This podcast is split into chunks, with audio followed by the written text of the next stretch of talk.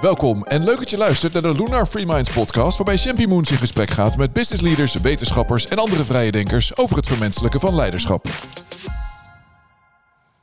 Welkom en tof dat je luistert naar mijn podcast over vermenselijking van leiderschap.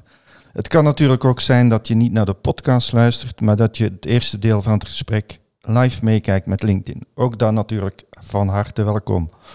Vandaag is Harry Brouwer te gast. Harry is uh, voormalig Global CEO van Unilever Food Solutions, kerndocent aan het EFMI en Supervisory Board member bij het UMCG. Met Harry ga ik vandaag in gesprek over leiderschap. En zoomen we specifiek in op een aantal uh, toffe onderwerpen. Harry, welkom in onze studio in uh, Hilversum. Dankjewel, erg leuk hier aanwezig te zijn in deze inspirerende omgeving.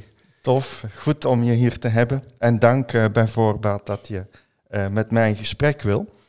Um, voor het derde jaar op rij ga ik in gesprek over leiderschap en uh, vermenselijking met business leaders, met wetenschappers en met vrije denkers. Hè. We zoomen momenteel in op twee thema's. Daar kom ik straks op terug. Tirannie van het nu en van groeien naar bloeien. En dat allemaal in de context van leiderschap. Maar eerst even terug naar jou, Harry. Uh, je hebt veel professionele kilometers op de teller, waarvan 38 jaar uh, bij Unilever en afgezwaaid in de rol van uh, Global CEO Food Service. Um, en ja, je bent uh, klaar bij Unilever, maar toch heel druk. Dat merk ik als ik je probeer te bereiken. Maar als sparringpartner en adviseur onder andere, maar ook als kerndocent aan de Executive MBA voor food en retail professionals. Hè? Ja. En uh, dus nog, niet, nog lang niet aan pensioen toe, uh, merk ik zo. Nee, je, je, formuleert het goed, denk ja. ik. ik ben, zoals je weet, per 1 januari 21 gestopt bij Unilever. Ja. Ik heb daar, denk ik, fantastische banen gedaan. Ik heb ze een keertje geteld, het zijn er 14 geweest. 14, ja. De laatste drie in chronologische volgorde waren chairman van Unilever Benelux. Daarna ja. nog een keer van Unilever Duitsland, Oostenrijk en Zwitserland. En in mijn laatste baan, zoals je al zei, CEO van Unilever Food Solutions. En het grappige is, wat ik op een gegeven moment me realiseerde, is dat ik heel veel nee heb moeten zeggen. Omdat je gewoon, het waren grote banen hè, met veel change management. En dan werd je vaak gevraagd van, joh, kan je dit, kan je dat? En mijn standaard antwoord was altijd nee, tenzij. Hè? Ja. Tenzij het kritisch was voor het bedrijf of voor de familie. Maar anders was het uh, nee. Uh, en, en ik eigenlijk sinds die dag van 1 januari 21 ben ik eigenlijk ja tenzij gaan zeggen. Dus een hele andere mindset. Ja. En met die nieuwe mindset en die nieuwe attitude heb ik eigenlijk zoveel leuke dingen tegengekomen. Dat ja. ik het haast uh, iedereen zou adviseren dat het een tijdje in zijn leven te gaan doen. Ja. Want je komt dus echt bij hele andere dingen terecht. Nee, je noemde zelf al hè, de Raad van Toezicht van het Universitair Medisch Centrum Groningen. Ik had nooit gedacht dat ik daar ooit bij zou komen. Uh, raad van commissarissen bij de Huttengroep. Ja. Uh, raad van advies van uh, Cornelis Vrolijk Seafood. Ik heb een restaurant gestart waar de service is door jongeren met een beperking. De Bonte Keukentafel in ja. Rotterdam. Ja. Ik begeleid een aantal senior managers met, met hun change-programma's. Ik zit met een vrij groot aantal scale-up en start-ups actief. Dat ik eigenlijk merk dat ik vlieguren heb en zij hebben de kennis en de know-how die ik niet heb. En waar je elkaar fantastisch complementair kunt inzetten, enzovoort, enzovoort. Dus ja, inmiddels heb ik ook weer heel veel activiteiten. Ja. En, uh, ja, het leven en, is... en hoe is dat dan, want ik zie je erbij stralen, hoe is dat anders dan de, de tijd uh, dat je full in charge was in zo'n uh, topbaan? Ja, ik zat toevallig in de auto hier naartoe erover na te denken. Want ik zei net al, ik heb 14 banen gedaan. En nu zat ik zat te tellen in de auto. Ik doe nu 14 verschillende van die dingen die ik net zei. Uh, Allemaal tegelijk. Ja, maar natuurlijk veel minder tijdsintensief, uh, elk van, van hen. Mm. Uh, nee, het leuke is, ja, we hebben eens een keer tijd geleden eens een keer gesproken over wat het leven zo mooi maakt. En ik weet niet of je de discussie nog kan herinneren, maar toen zei ik, connecting the dots. Ja. Wat iedereen eigenlijk doet. Herinner je even die oude tekening die je vroeger op de lagere school moest ja, maken. Ja, van 1 naar 2 naar 3 naar 4 naar 5. Maar ik zei, ja, je kan het ook anders doen. Dan krijg je een hele andere tekening. Ja. En wat ik nu zie door de hele breedte van activiteiten, is dat je eigenlijk ziet dat je vlieguren, het woord dat ik net al even gebruikte, eigenlijk veel meer kunt inzetten op veel meer verschillende gebieden. Mhm, mhm. Dan waar ik eigenlijk uitkom. Zeg maar de, marketing en de verkoop en, en, en leiderschap in, in de foodbusiness. Mooi. Dus ja, Top. ik geniet er heel erg van. Heel mooi inzicht, ja. Zo dadelijk zoomen we uh, in op een aantal specifieke thema's. Maar ik ben allereerst geïnteresseerd in uh, jouw belangrijkste inzichten als het gaat om goed of effectief leiderschap. Mhm. Zou je daarover uh, iets kunnen vertellen? ik hoop het wel. Na 38 jaar. Ja. Nee, voor mij is leiderschap is... Een leider moet dingen zien te bereiken met mensen die anders niet bereikt zouden zijn geworden. Mm Anders ben je manager. Een manager die onderhoudt de dingen, denkt aan het kwartaal en de maand. Maar de leider die kijkt vooruit, mhm. eh, die krijgt mensen in beweging richting een ambitie die ze anders niet gegaan zouden zijn. Ja. Ik denk dat dat voor mij het kenmerk van leiderschap is. Ja. Dat gaat dus ook over invloed Absoluut. Ja. En dan hopelijk positieve invloed. Maar nee, het gaat absoluut om invloed. En mensen inspireren hè, een, een, kant uit te gaan waar ze misschien zelf in eerste instantie niet de mhm. moed voor hadden, moet, de moed voor hebben gehad om die te gaan. Ja. Ehm, ik denk het tweede kenmerk voor mij van leiderschap is mensen ontwikkelen. Mhm. het is natuurlijk fantastisch om, om bedrijven of organisaties te laten groeien, topline, bottomline, impact in de maatschappij. Maar als je de mensen niet de kans geeft om mee te groeien, dan verlies je ze. Mhm. En in de huidige arbeidsmarkt is dat denk ik hè, evident. Absoluut. Dat je dat nog veel meer in moet investeren. Mhm. Maar je krijgt er ook veel meer voor terug. Uh, en ik vind ook dat je mensen dan de vrijheid moet geven om te besluiten. Dat is wel een van de dingen die mij echt verbaast vandaag de dag. Dat we hele goede mensen recruteren, maar ze soms toch, zwart-wit gezegd, een beetje domme dingen laten doen. Ja. Uh, Terwijl je ze veel meer vrijheid kunt geven. Ik zei net dat ik in Duitsland gewerkt had, heb ik op een gegeven moment de één meter regel ingevoerd. Want over leiderschap gesproken. Want iedereen ging hiërarchisch naar boven. Ja. naar je baas, ik, weet het niet. Ga naar de baas, naar de baas van de baas, et cetera. En dan kwam na zes weken kwam het weer naar beneden, gecascadeerd. En dan was het antwoord daar. Nou, dat werkt natuurlijk helemaal niet. Nee. En toen heb ik de 1 meter regel ingevoerd. Nou, Duitsers, de 1 meter regel.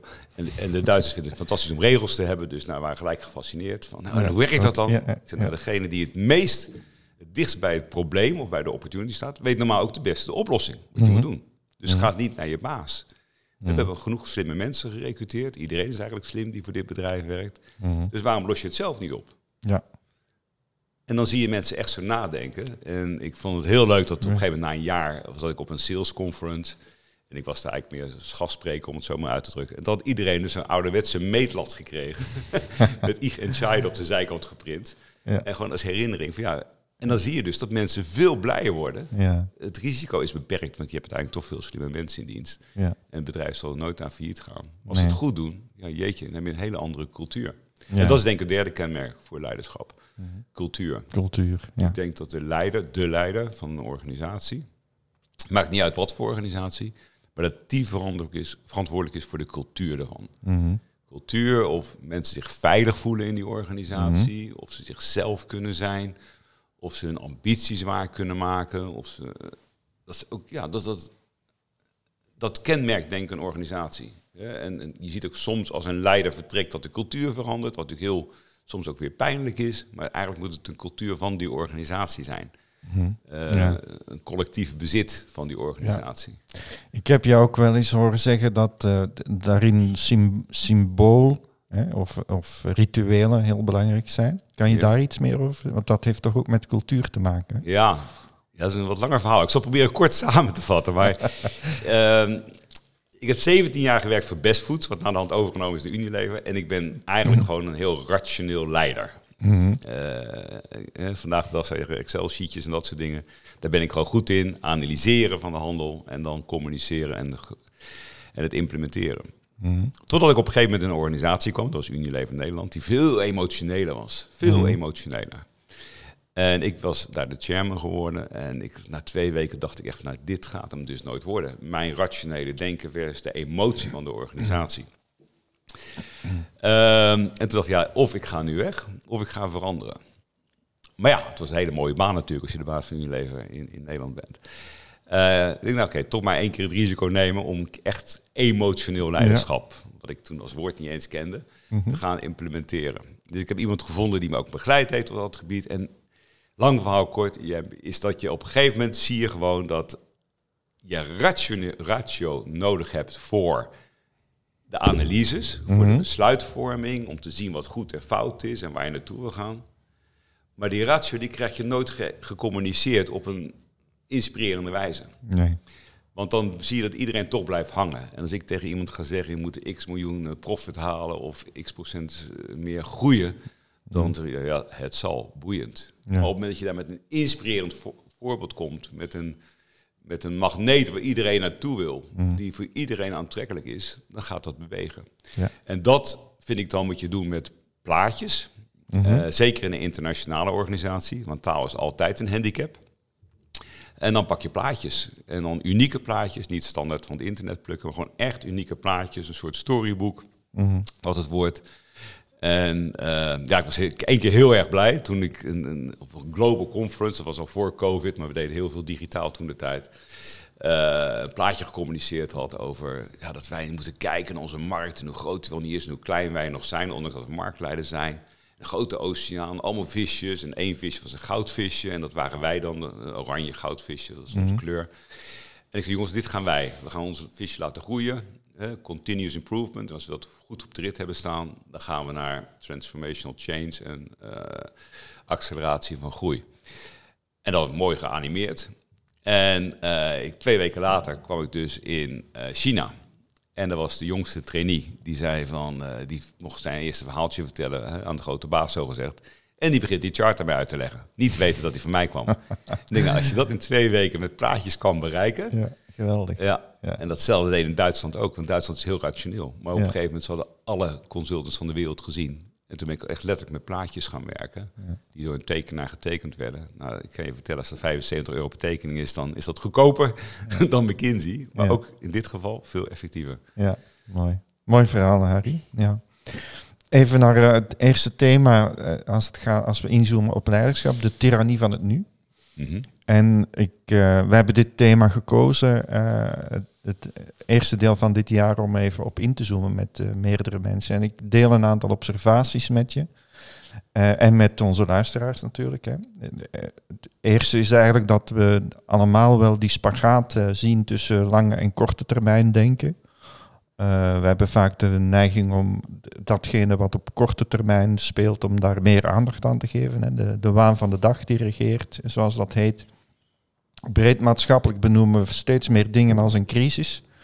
Nou, ik kan een hele opsomming doen van crisis die we de afgelopen paar jaar hebben gehad, in de hoop dat we iets snel kunnen oplossen. Hè, maar ook het lange termijn denken uh, komt dan uh, verder weg te liggen.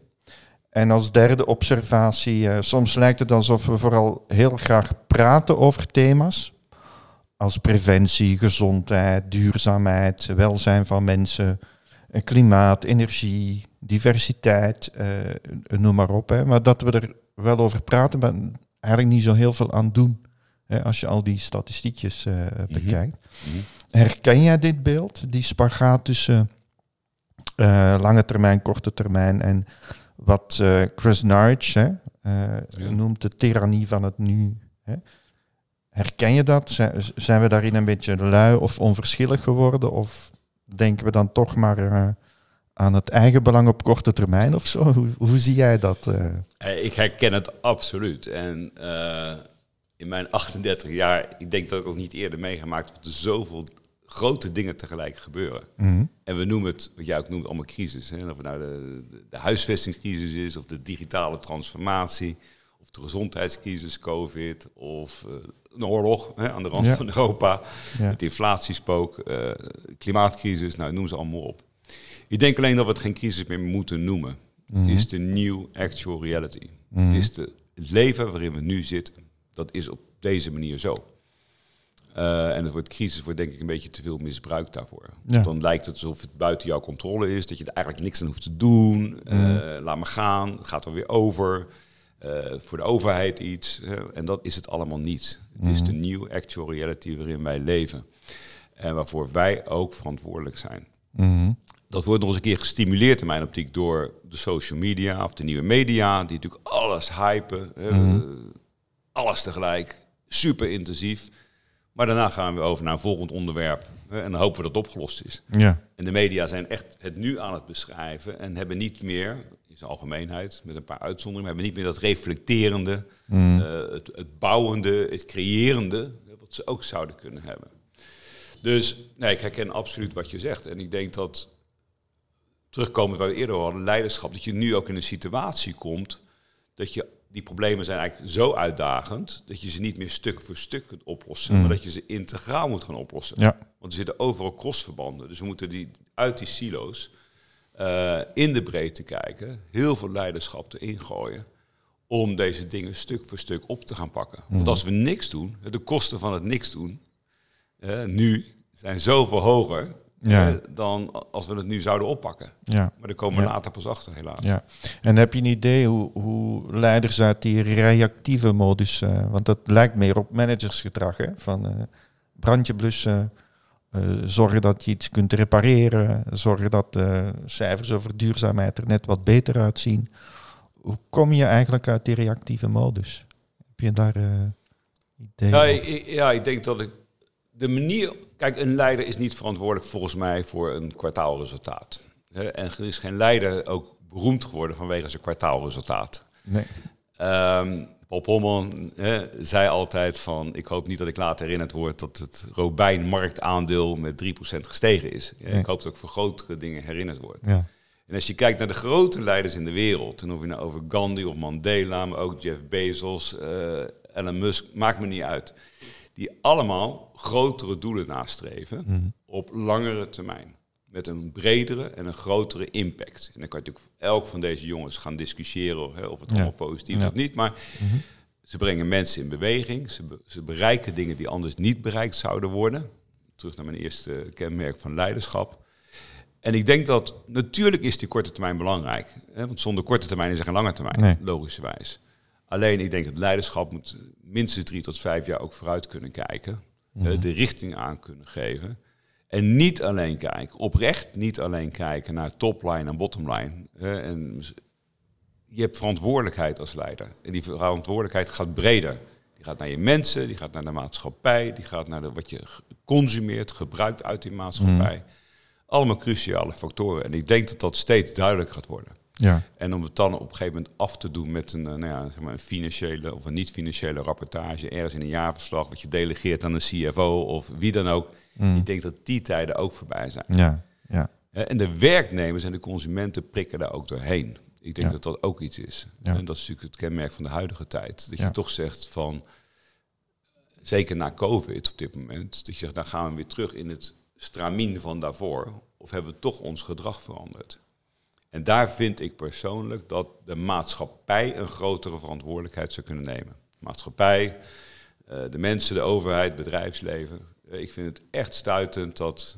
Eh, ik kwam zelf trouwens gisteren ook op Schiphol weer. Hè, maar dan zie je gewoon dat het hartstikke druk is. En denk nog steeds bij mezelf: waarom niet een vliegtax van 100 euro? Op elk ticket. Hmm. En laten we beginnen in Europa. Maar dan wel onder de voorwaarde dat die 100 euro ook echt gebruikt wordt voor het milieu. En niet dat het ergens op de grote pot komt. En ik denk dat daar genoeg draagvlak voor zou zijn uh, onder de mensen. Ja, ja. Oké.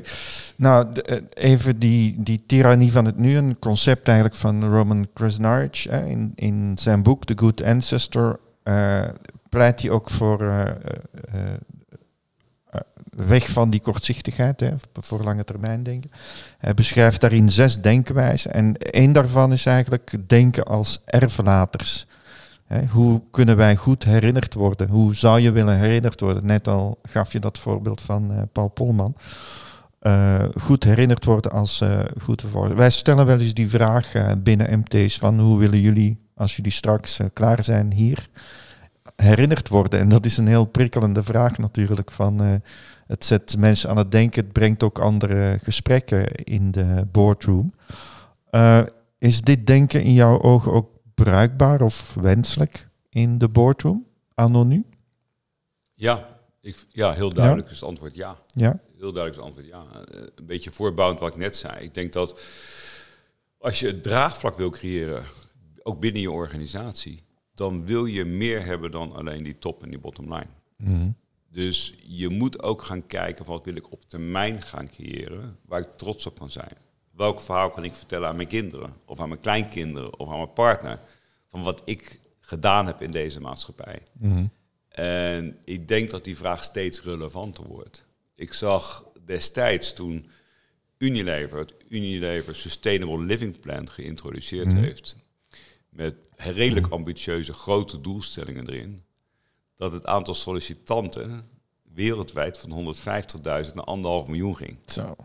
Omdat mensen zeiden, we willen deel zijn, ik vind het wel een heel groot woord, maar ik wil deel zijn van de movement. Ja. Ik wil hiertoe kunnen bijdragen. Mhm. En als je naar de huidige millennials kijkt en daaronder, voor hun is dat nog veel belangrijker dan misschien voor onze generatie, in alle eerlijkheid. Terwijl wij het eigenlijk nog meer zouden moeten beseffen. Omdat we voor een deel schuldig aan geweest zijn. Ja, mooi. Nou, dankjewel so far. Uh, even voor de eh, kijkers en de luisteraars. Uh, kijk je op dit moment live via LinkedIn. Het gesprek met Harry gaat gewoon verder. We nemen het op. Alleen het streamen op LinkedIn stopt nu. Ben je nieuwsgierig naar het vervolg van het hele gesprek? Het staat eerstvolgende volle maand, dus op 16 mei, als podcast online. Abonneer je alvast op onze show via Spotify of via een van je andere favoriete kanalen. Zoek gewoon naar Lunar Free Mind Podcast. Als abonnee krijg je automatisch een bericht als we een nieuwe aflevering live hebben gezet. Bedankt voor het luisteren so far. Harry, ik kan me zo voorstellen dat uh, menig leidinggevende zo bedenkt van, joh, ik heb het al zo druk met het uh, leiding geven aan mijn huidige business en mensen. Met het halen van korte termijn doelen, met mijn work-life balance een beetje oké houden, met mijn persoonlijke ontwikkeling. Moet ik me nu ook gaan bezighouden met de lange termijn, met de zorg voor volgende generaties. Zucht. Moet dat er ook nog bij? Ik heb het al zo druk. ja, ja. ja ik, ik hoor wel eens leiders zeggen ook van, joh, ik heb, ik heb het zo druk, ik, ik, aan persoonlijke ontwikkeling, dat moet, moet later maar een keer of zo. Of boeken lezen kom ik ook niet aan toe. Ja, het is een beetje het sentiment wat ik vaak hoor, toch? Ja. Um, ik wat moeten we hiermee? Ik zal niet gaan zeggen dat ik super sportief ben en ik loop zeker geen marathons, maar ik heb me eens laten vertellen door een marathonloper dat de belangrijkste momenten tijdens een marathon zijn de momenten dat je even rust neemt. dat je wat minder hard loopt en mhm. even weer de energie verzamelt voor, voor het volgende stuk. Mhm. Ehm, ik, heb datzelfde, ik heb dat zelf ook tijdens mijn werk. Je zoekt momenten van rust op om te reflecteren waar ben ik eigenlijk mee bezig. Mm ik vroeg nog niet zo lang geleden aan, mijn, aan de studenten van het EVMI mhm. van wie heeft er een to-do-list? Mm nou, alle handen op één na gingen omhoog. Natuurlijk druk, druk, druk. En we worden allemaal heel blij als we onze to-do-list eh, kunnen doorstrepen en we hebben weer wat bereikt. En dat geldt ook voor mij. Dopamine. In ja, brein. exact. Ja. Exact, daar komt hij. Dus, uh, maar het tweede is, wie heeft er een to-be-list? Mm Nou, en toen kwam er maar één handje omhoog van de groep. En ik zal niet zeggen dat iedereen een to-be-list moet hebben, maar het is wel goed om over je to-be meer na te denken. Mhm. In plaats van alleen maar over je to-do. want uiteindelijk, waar wil je voor herinnerd worden? Wat wil je echt bereiken? Waar wil je echt trots op kunnen zijn? Al dat soort van elementen, die krijgen te weinig aandacht. Mhm. En nogmaals, daar kon je vroeger mee wegkomen. Mhm. Even los van je eigen interesse. De een zit er wel zo in, de ander zit er niet zo in. En als je er niet zo in zou hebben gezeten, dan kon je er vroeger mee wegkomen. Mhm. Maar vandaag de dag is dat niet meer. Je werknemers eisen iets anders, de consument eist iets anders, uh, de maatschappij eist iets anders. En niemand anders doet het ook. En dat vind ik mhm. eigenlijk misschien nog wel de grootste uh, ontwikkeling vandaag de dag. Waar in het verleden uh, de overheid het misschien deed, of je religie het deed, mhm. of de padvindersvereniging, of welke organisatie ook. Nou, die hebben we allemaal een beetje laten varen. We mhm. zijn niet meer zo trouw aan al die clubs. Mhm. Eh, dus die uh, vakbonden. Hè, dus die hebben ook allemaal niet meer die enorme stem. Ja. Dus wie is er nu nog georganiseerd? Vandaag de dag, nationaal en internationaal, is eigenlijk het bedrijfsleven. Ja. Dus die hebben denk ik ook die grotere verantwoordelijkheid. Uh, en daarmee de leiders in dat bedrijfsleven. Die moeten hun verantwoordelijkheid nemen. Ja. Om ja, dus een grotere vrijheid, maar ook een grotere verantwoordelijkheid. Ja, ja. ja definitief. Ja, ja, mooi. Nou. Even naar het uh, tweede thema, van groeien naar uh, bloeien. Hè. Dus waar groeien staat voor uh, lineair elk jaar x procent erbij. Naar een bloeiende organisatie die meer gaat over positieve maatschappelijke impact. Ik grijp even terug naar het World Economic Forum. In 2020 was hun motto The Great Reset. Met het idee van we zijn toe aan het volledig duurzaam maken van ons economisch en maatschappelijk systeem. Mhm. Groener, slimmer, eerlijker groeien met zorg voor de planeet. Um, Covid zou hier een mooi moment uh, hebben kunnen zijn om dat te creëren. Hè. Um, denk ik niet helemaal uh, gebeurd in de afgelopen twee jaar. Denk je dat dit nieuwe elan wat toen werd gelanceerd uh, echt leeft? Of, of moeten we het zien als een rebranding een beetje opleuken van het bestaande uh, uh, kapitalistisch systeem. Hoe kijk jij hiernaar? Zijn we echt toe aan een transformational change, zoals sommige mensen het noemen, of gaan we gewoon met een ander kleurtje eraan toevoegend door op het bestaande? Nou, ik begin met. Ik kende de zin groeien en bloeien eigenlijk niet zo heel erg. Maar terwijl je even zit te praten, zit ik ook te denken van het is eigenlijk wel een heel mooi woord. Want ik ben zelf, denk ik, redelijk obsessief rondom groei. Ja. Het maakt niet uit of het van de business of van de mensen of whatever is. Daar word ik helemaal blij van en dat motiveert mij enorm. Uh, en, en, jij noemt het woord bloeien. Mm. En toen dacht ik, ja, wat is nou eigenlijk het verschil? Want wat mis ik als ik alleen maar over groei spreek? En ik denk wat jij zo mooi zegt met bloeien is, nu vertaal ik het naar mijn woorden, denk ik, maar dat bloeien is eigenlijk, je moet nog steeds groeien, anders kan je niet bloeien. Nee, nee Alleen met bloeien wordt het ook gerespect, wordt het gewaardeerd. Het wordt, mensen vinden het mooi, mensen willen het graag hebben. Ja. Dus het is niet alleen terug naar wat we eerder zeiden, die PNL of zoiets dergelijks. Nee, het is iets waar mensen trots op zijn, waar ze deel van uit willen maken. Omdat het merk ergens voor staat. Het is ook een uh, concept van uh, Martin Seligman uit uh, positieve psychologie. Hè? Van ja, groei is mooi, maar tot bloeien komen, dan heb je het eigenlijk over een waardevol en ja, gelukkig leven. Dat is eigenlijk waar die metafoor vandaan komt. Ja. ja. Ja, en met bloeien heb je ook meer de, de vijf zintuigen. Hè? Ja. Ik bedoel, als ik een bloem zie bloeien, dan, mm. dan, dan ruik je dat. Je kan het voelen als je dat zou willen. Ja. Uh, je kan het aanraken. Uh, ook allemaal dingen die je tijdens COVID hè, in, in de persoonlijke communicatie allemaal niet meer had. Hè, want we hadden mm. nog maar twee zintuigen over op, in onze Zoom-meetings.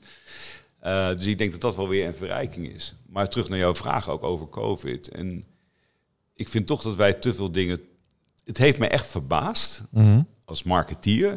dat ondanks dat we twee jaar even mij simpel gezegd, in een lockdown-achtige situatie waren, dat we toch niet zoveel veranderd zijn als dat we met z'n allen gedacht hadden. Mhm. Dat we toch weer teruggaan naar heel veel oude patronen. Terwijl onderliggend ik het gevoel heb dat de mensen COVID wel gebruikt hebben om te reflecteren, om vraagtekens te stellen met het huidige gedrag. Maar dat wij als leiders van bedrijven of organisaties of overheid ze eigenlijk een klein stapje zouden moeten helpen om dat gedrag vast te houden. Ja. Want anders val je weer in je default mode. Mm. Hè, wat ook heel menselijk is natuurlijk. Mm. Maar, dat moeten we, maar nu is die bewustwording er, de acceptatie is er. Maar daar moeten ze eigenlijk een klein beetje helpen. Ja. Uh, ja. Ik denk als je morgen een, een CO2-tax zou invoeren mm. en je legt dat uit, dat iedereen dat ook wel begrijpt. Ja. Alleen als niemand dat doet, ja, waarom zou ik dan vrijwillig een CO2-tax gaan betalen. Ja. ja. Dat gebeurt Inderdaad. niet. Nee, nee, nee. Vanaf 2024 gaat de CSR Directive, uh, richtlijn van de Europese Commissie, uh, gelden voor grote bedrijven. Dat wil zeggen dat ze verplicht worden om te rapporteren over ecologische en sociale duurzaamheid. Hè. Dus niet alleen over de financiële uh, parameters. Hoe schat jij de impact hiervan in? Ik merk zelf dat het nog niet heel erg leeft. Hè, dat het vooral uh, nou, bekend is bij CFO's van organisaties. En dat er wel binnen de board zoiets, ja, we moeten uh, het anders gaan rapporteren. Of integrale rapportage heet het dan. Denk jij dat dat gaat bijdragen aan de kritische reflectie op alleen maar die lineaire groeimentaliteit? Of, en dus meer gaat leiden tot bloeiende organisaties die echt ja. Open zijn en, en stoppen met greenwashen en zo. Ja, van de ene kant heb ik een hekel aan bureaucratie uh, en regeltjes en rapportages. Van de andere kant denk ik dat het wel een goede zaak is, in alle eerlijkheid. Er zijn een, een beperkt aantal bedrijven die dat eigenlijk niet nodig hebben, omdat ze het al leven. Maar er is een vrij groot aantal bedrijven en organisaties die dit wel nodig gaan hebben. Mhm. En precies wat jij zegt. Om echt in beweging te komen. Om echt in beweging te komen. Ja. Dat hebben we gezien met diversity. Mhm. nou, nou, we kennen allemaal de discussie. Moet dat een target zijn? Moet het een guidance zijn? Moet, wat, wat, moet dat zijn? Uh, maar die heeft in ieder geval de discussie uh, gebracht. En voor een deel, een groot deel ook al resultaat. En ik mhm. denk dat het hier hetzelfde is. Normaal, sommige bedrijven zullen het absoluut niet nodig hebben. Maar voor andere bedrijven is het wel belangrijk. Ja, want het gevaar waar we denk ik... Toch een soort stok achter de deur dan? Stok achter de deur, maar ook om, om zeker te stellen dat we dingen ook echt gaan doen. Um, ik noem het altijd de, de say-do-gap. We zeggen heel veel. Misschien even terugkomt ook naar je vorige vraag. Als je zegt van ja, we zeggen nu we moeten dit gaan doen. We moeten aan klimaat, we moeten aan de huizencrisis, mm we moeten aan... Noem het allemaal op. Maar op een gegeven moment wen je aan dat zeggen. Mhm. En doe je er nog steeds niks aan. En dan moet je toch ja, die ambitie, die, die beweging op gang krijgen. Wat ergens een verlangen ontstaan. ergens te gaan doen. En dat je niet een gat krijgt tussen die C en hè, dus wat je mhm. zegt en wat je doet. Ja. Uh, en sommige bedrijven doen het al en die hoeven het eigenlijk niet meer te zeggen. Maar ja, die zullen het dan maar ook even moeten rapporteren. Mhm. En andere bedrijven die zeggen het, maar die doen niks. Mhm. Dus om die gap te sluiten, denk ik dat het goed is dat we deze kant uitgaan.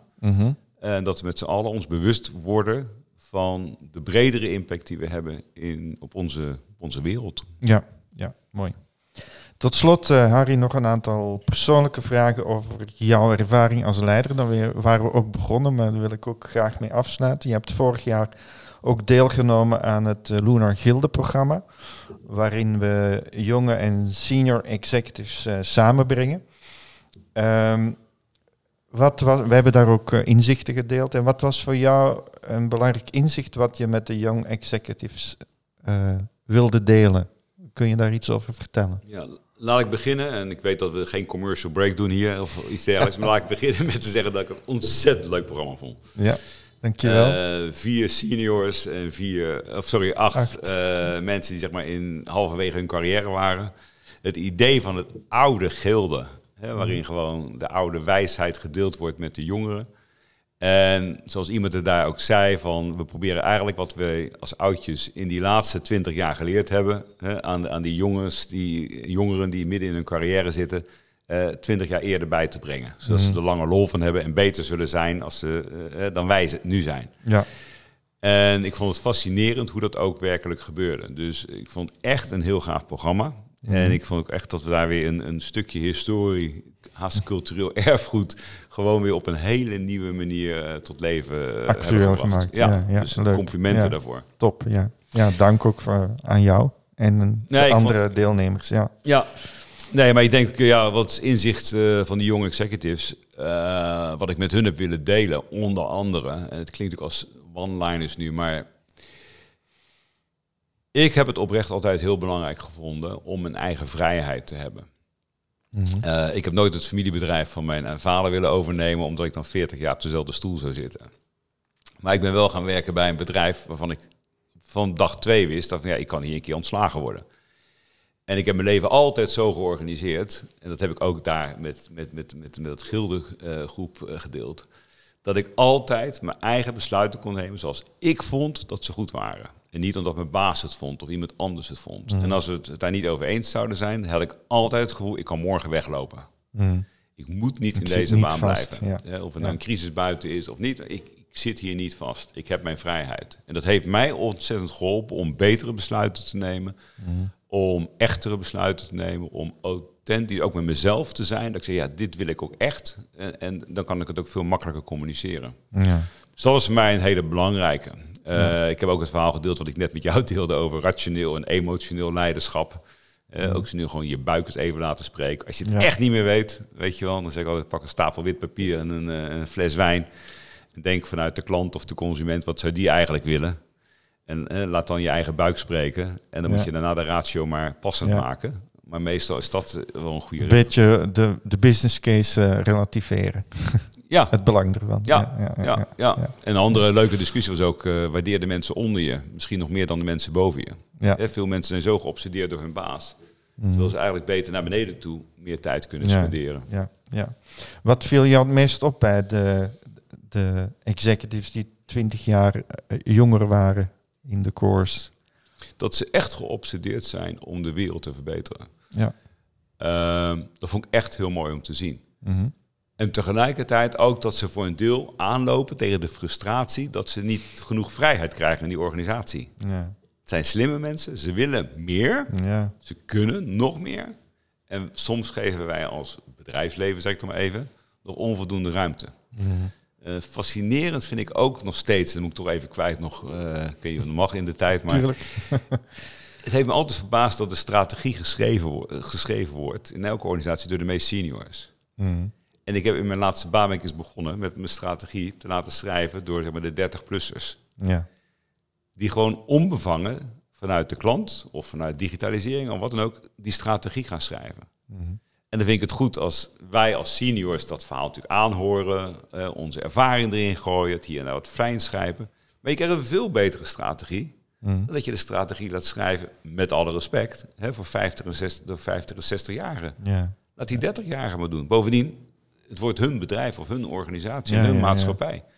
Dus ik denk dat dat gewoon veel te weinig gedaan wordt. En ik heb het nu jaar in jaar uit gedaan, in de laatste baan helemaal. En ik heb er zo enorm van genoten. Uh, en het gaat ook een beetje terug naar jouw idee van het schilderprogramma ja, eigenlijk. Ja, ja. Nou, we zijn op dit moment in een aantal organisaties zijn we echt een, op, in een gildeachtige setting in de organisatie. Zeg maar het, het, het actuele management, hè, de eindverantwoordelijke, aan het verbinden met de mensen die rond de 30 zijn. Hè. Ja. En om niet een programma voor allebei apart te hebben, maar om een gezamenlijk programma te hebben waarin de toekomst gemaakt wordt van de organisatie. Ja. En dan ga je echt uh, cross-generation. Uh, en laat die dertigers dan maar komen met een strategie. Ja, tuurlijk. dan kun je hem altijd nog een beetje fijn slijpen. Ja, ja. Nou, als, uh, als laatste vraag, welke kwaliteiten vind je anno nu, as we speak, het allerbelangrijkste voor, voor leiders? Ja, dan grijp ik toch even terug wat ik eerder zei. Ja. De combinatie van rationeel en emotioneel leiderschap. Ja. Met rationeel leiderschap neem je de besluiten. Ja. Wat is de juiste kant? Alle analyses, alles wat erbij hoort. En daarna, hoe ga ik dit nu vertellen hè, aan mijn organisatie, aan mijn moeder, aan mijn kinderen? Uh, op een manier dat ze zeggen, ja, dit staat ergens voor. Ja. En dat is emotioneel leiderschap. Dan heb je het inderdaad over beeldvorming, over plaatjes, over, over illustraties. Uh, magneten waar mhm. mensen bij willen horen, waar ze deel van uit willen maken. Ja. Dingen waar eh, mensen van in beweging komen. Ja, ja. Ja, cool. ja, absoluut. Employee engagement, uh, hè? Ja, maar ja, als je niet engaged bent, dan, dan geef je jezelf niet, toch? Nee, dat is, nee, nee. Het kan. En, het, het, kost niks. Dat is het mooie trouwens. Ja. Rationeel leiderschap kost geld en analyses. Emotioneel leiderschap kost niet veel. Kost niet veel, nee. Dus uh, nog een ander om vast te houden. Alleen moed en ja. Mooi. Harry, we zijn aan het einde gekomen van ons gesprek. Ik wil je ontzettend bedanken voor dit mooie, open, oprechte gesprek. En ik vond het echt heel tof uh, om jou te mogen interviewen. Het was me oprecht een waar genoegen. En ik wens iedereen heel veel succes om te doen wat hij moet doen binnen de organisatie. En om tegelijkertijd de wereld een klein beetje beter te maken. Ja, mooi, dankjewel. Dit was de Free Mind podcast van Lunar Institute. Heb je met plezier geluisterd? dan zou ik het leuk vinden als je een waardering achterlaat. En mocht je nog niet geabonneerd hebben via Spotify of je favoriete andere kanaal, dan kun je dit alsnog doen. Dan krijg je automatisch een melding als er een nieuwe aflevering live staat. Bedankt voor het luisteren en tot de volgende volle maan. Čau.